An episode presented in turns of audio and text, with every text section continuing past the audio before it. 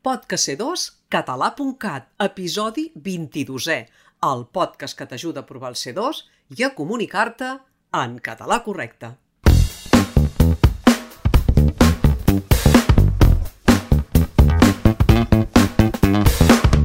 Avui el nostre podcast va de sinònims. Para una atenció especial si et vols presentar a l'examen C2 de Cifalc, perquè hi ha un exercici justament de sinònims. Et proposem que trobis sinònims de la paraula ignorància. I per fer-ho, et direm vuit paraules i tu hauràs de decidir si són sinònimes d'ignorància o no ho són. I si ho saps, també perquè ho són o no ho són.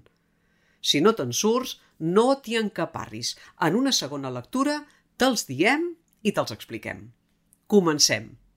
Primera paraula. Niciesa. Segona. Ignició. Tercera. Intangibilitat. Quarta. Incipiència. Cinquena. Incultura. Sisena. Idiòcia. Setena. Despropòsit. I vuitena. Desconeixença. Ho tens clar? Les tornem a llegir i t'ho diem. Primera, niciesa. Sí que ho és. Significa neci, que no sap el que hauria de saber. Segona, ignició. No ho és. Vol dir estat d'un cos en combustió. Tercera, intangibilitat. Tampoc no ho és. Significa intangible, que no pot ser tocat. Quarta, incipiència, sí que ho és. Vol dir mancat de saviesa. Cinquena, incultura, també ho és. Significa sense cultura.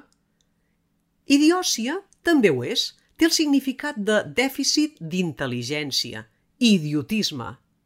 Despropòsit no ho és. Vol dir paraula o fet poc adequat, poc convenient. I desconeixença sí que ho és. Significa manca de coneixement o de saber.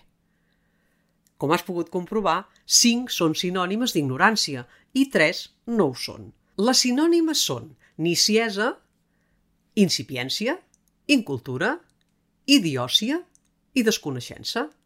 I les que no ho són, ignició, intangibilitat i despropòsit.